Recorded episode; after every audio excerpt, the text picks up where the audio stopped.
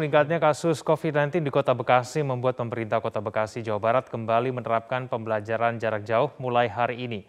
Pembelajaran jarak jauh selama 14 hari ke depan dilakukan untuk menekan kasus COVID-19 di Kota Bekasi di lingkungan pendidikan. Aturan pembelajaran jarak jauh kembali diberlakukan usai ditemukan puluhan siswa dan tenaga pengajar terpapar COVID-19. PLT Wali Kota Bekasi, Tri Adianto menjelaskan pembelajaran jarak jauh diterapkan setelah melakukan rapat bersama dengan jajaran dan meminta izin kepada Gubernur Jawa Barat. Pelaksanaan pembelajaran jarak jauh ini dilakukan di tingkat sekolah dasar dan sekolah menengah pertama selama 14 hari ke depan. Saat ini kasus COVID-19 di Kota Bekasi sudah mencapai 6.500 kasus. Sementara untuk tingkat sekolah menengah atas, pemerintah menerapkan imbauan untuk melakukan PJJ dan masih berkoordinasi dengan Gubernur Jawa Barat.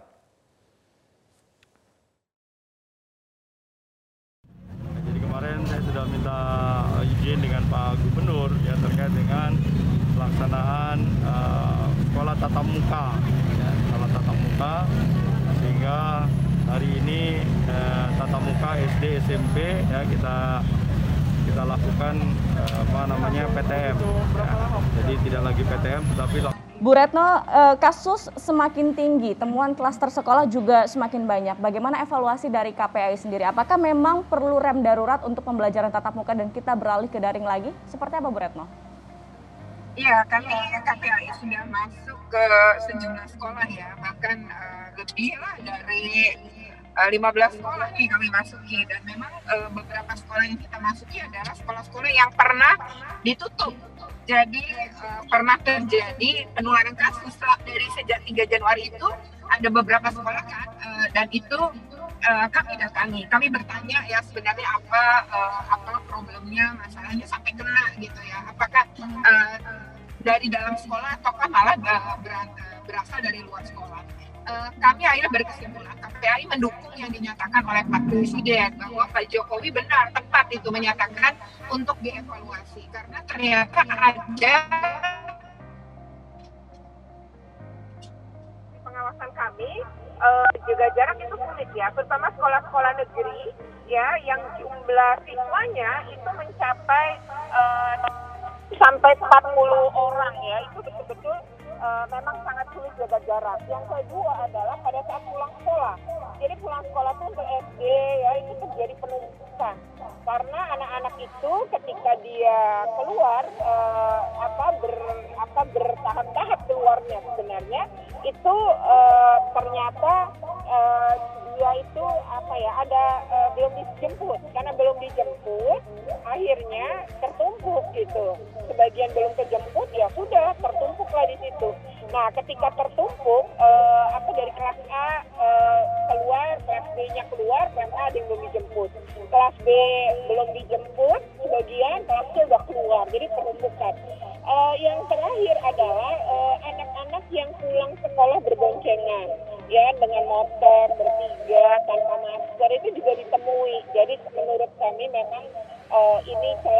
banyak jadi butuh sekali untuk uh, dievaluasi nah evaluasi kami memang kami sarankan untuk wilayah-wilayah yang tinggi untuk dihentikan kembali ke daring namun ini kan tidak bisa dilakukan ke Indonesia ya paling ya. tidak sih ya Jakarta misalnya itu hmm. memutuskan untuk 50% lah jangan 100% uh, PTM ya. itu uh, Mbak Gadis ya saran kami KPAI. Baik, uh, eh, KPAI dukung untuk evaluasi PTM dan kita lihat bahwa sebaiknya ini diterapkan untuk wilayah-wilayah yang memang kasusnya tinggi begitu. Misalnya di Jakarta uh, diharapkan bisa PTM mungkin 30% saja, jangan sampai 100% begitu ya Bu Retno ya. Bu Retno kalau kita lihat uh, evaluasi dari juga pembelajaran jarak jauh sebelum-sebelumnya ini sudah dua tahun kita melakukan PJJ. Ada learning loss di sana, ada ketertinggalan siswa. Nanti dampaknya seperti apa terhadap uh, konsekuensi hal ini, Bu Retno? Iya betul, memang ada learning loss itu diakui. Kami tiap masuk ke sekolah pasti wawancara ke guru, wawancara ke anak, dan hasilnya memang mereka ngakuin. Jadi guru-guru mengakui anak-anak yang masuk sekolah itu uh, setelah lama dan ketinggalan ya secara materi pembelajaran. Memang tertinggal. Kemudian uh, ada pencapaian-pencapaian yang tidak sesuai target gitu. Itu betul. Yang kedua bahkan uh, kami menemukan tuh anak SD gitu ya kelas uh, 1 dan 2 yang uh, itu belum jadi tidak lemah dalam menulis gitu ya. Jadi kaku gitu nulisnya dan uh, bahkan ada yang belum bisa baca di kelas 2 jadi memang ditimbulkan nah inilah yang tentu saja makanya KPAI mendukung PTM gitu ya. Tapi ketika uh, kondisinya udah banyak sekali sekolah ditutup karena ada warga-warga apa warga sekolah yang positif ini mestinya dipikirkan 100% nya tadi. Karena kerentanannya di dalam kelas tinggi dalam ruangan tertutup tidak bisa jaga jarak. Paling jarak tuh nggak nyampe 50 cm paling nggak 50 cm gitu. Tidak sampai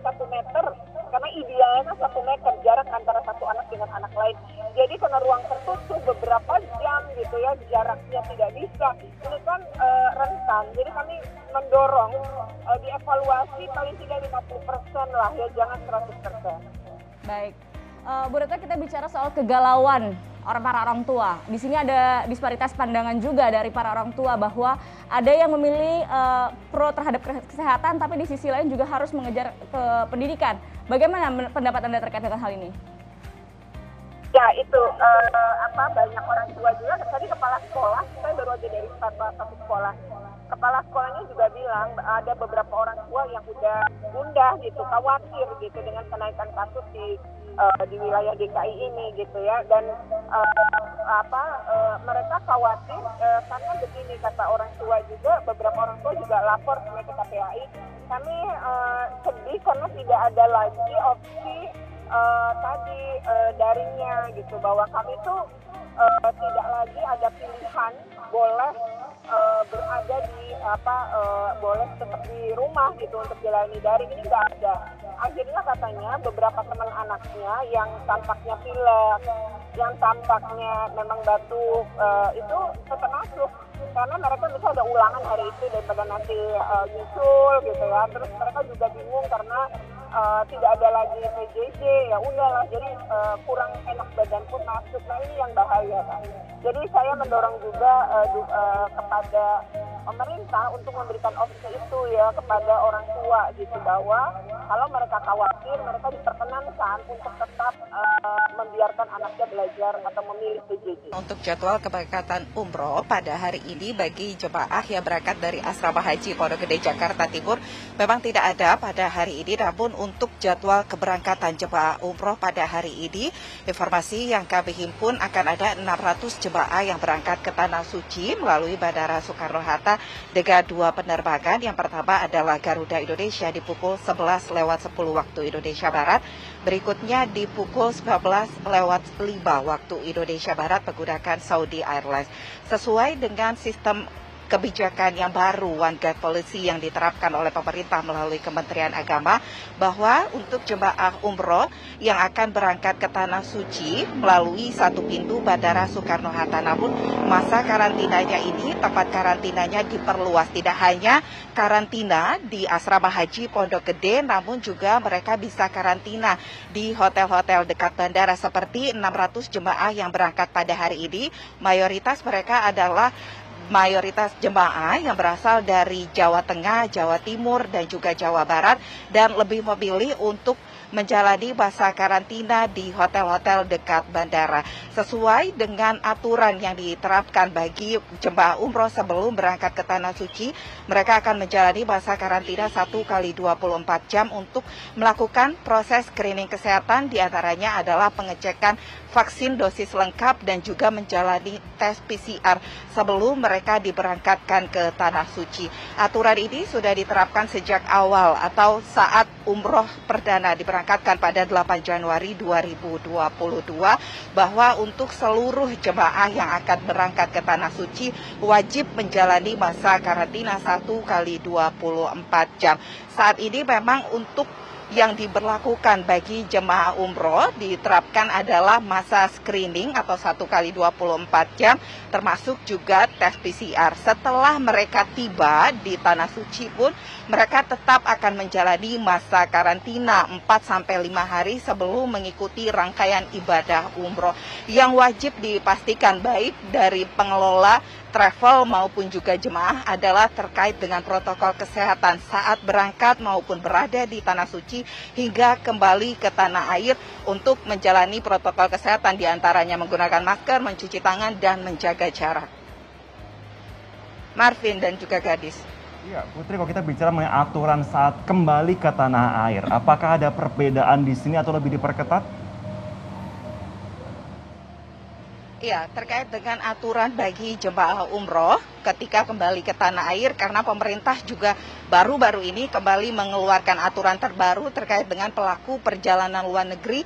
Ini pun berlaku bagi jemaah umroh ketika kembali ke tanah air. Tadi kami mewawancarai pihak pengelola Kementerian Agama yakni Nur Alia mengatakan bahwa karena jemaah umroh ini sama dengan pelaku perjalanan luar negeri, maka mereka ketika kembali ke tanah air akan menjalani masa karantina selama 5 kali 24 jam. Alurnya adalah ketika mereka kembali mendarat di Bandara Soekarno-Hatta, mereka akan menjalani entry test atau tes PCR di Bandara Soekarno-Hatta. Kemudian untuk menunggu hasilnya, mereka akan dikarantina terlebih dahulu di hotel-hotel yang sudah mereka pilih. Salah satunya adalah di dekat bandara. Setelah itu mereka akan menunggu hasil dari tes PCR ini. Jika hasilnya negatif, mereka bisa melanjutkan masa karantina di hotel tersebut. Di hari keempat, mereka akan menjalani lagi tes PCR sebelum keluar dari hotel dan kembali ke daerah asal. Namun, jika setelah atau dari hasil tes PCR di bandara kemudian dinyatakan positif COVID-19, maka mereka harus menjalani masa karantina di Wisma Atlet Kemayoran, Jakarta.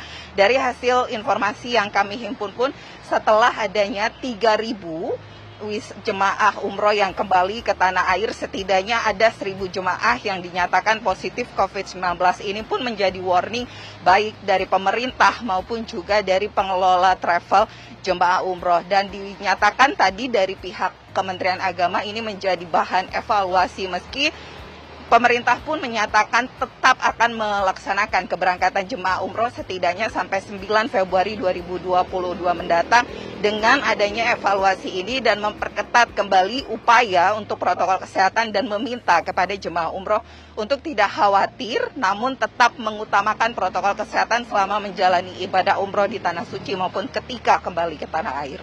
Pak Ansori, kami konfirmasi yang ditemukan oleh tim sementara ini apakah bungkusnya saja atau untuk cottonnya pun juga saja ditemukan?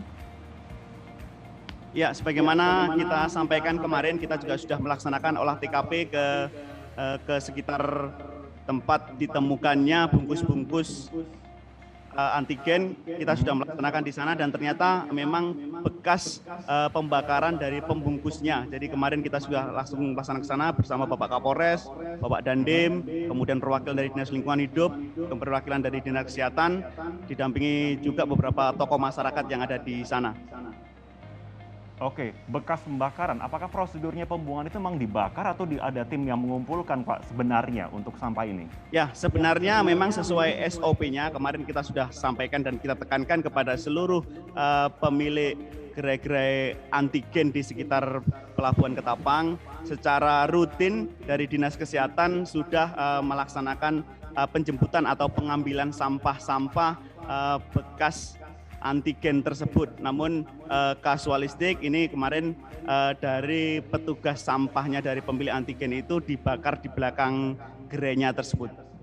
Oke, dari informasi yang dapatkan sementara Pak bisa kami konfirmasi sebenarnya untuk sampah-sampah ini itu dikumpul uh, berasal dari satu sumber gerai atau dari banyak gerai Pak di sana? Uh, sementara kemarin yang berada di belakang satu gerai. Namun tidak menutup kemungkinan di tempat yang lain kita sudah mengumpulkan dan sudah memberikan uh, penekanan kepada seluruh pemilik-pemilik gerai agar hal tersebut tidak terulang kembali karena dari Dinas Kesehatan Kabupaten Banyuwangi pun sudah rutin untuk melaksanakan pengambilan dan apabila secara darurat dari masing-masing gerai sudah penuh juga diberi kesempatan untuk langsung mengkontak atau penelpon dari Dinas uh, Kesehatan Kabupaten Banyuwangi untuk mengambil. Kita kemarin juga sudah melaksanakan sidak ke uh, beberapa gerai dan di sana juga sudah dipisahkan antara sampah medis maupun sampah non medis dan pengambilannya pun nanti mereka juga akan harusnya sesuai SOP demikian. Bisa kami konfirmasi Pak, kami melihat dari dokumentasi yang ditayangkan oleh tim tadi sebelumnya tampaknya sangat banyak. Berapa total barang bukti yang diamankan? Ada berapa kilo mungkin? Uh, untuk kepastian uh, per kilonya sudah uh, tidak dipastikan nanti sebagian memang dibawa ke dinas kesehatan dan dinas lingkungan hidup untuk dicek atau didalami lebih lanjut sampah-sampah uh, jenis sampah-sampah tersebut. Oke, bagaimana langkah dari tim di lapangan untuk bisa menegur pihak-pihak yang saat ini uh, tentunya sudah mendapat teguran terkait dengan pelanggaran SOP untuk pembuangan limbah ini? kita dari tim Satgas uh, COVID Kabupaten Banyuwangi sudah memberikan teguran keras dan dari pihak gerai-gerai yang merasa membuang ataupun membakar sampah tersebut juga sudah meminta maaf untuk uh, tindakan ataupun hukuman lebih lanjut nanti dari dinas uh, kesehatan dan dinas lingkungan hidup yang akan uh, memberikan sesuai dengan uh, hasil pemeriksaan lanjutan dari beberapa sampah yang sekarang lagi didalami dari dinas kesehatan dan dinas lingkungan hidup. Oke, bagaimana antisipasinya Pak agar tidak ada lagi pembuangan langsung ke perairan? Kita Satgas Covid nanti akan uh, lebih intens lagi bersama dengan masyarakat tentunya agar lebih dapat mengkontrol agar kejadian-kejadian ini tidak terulang lagi di wilayah kerja Kabupaten Banyuwangi sehingga uh, masyarakat dapat uh, bekerja dan dapat uh, berperilaku secara normal.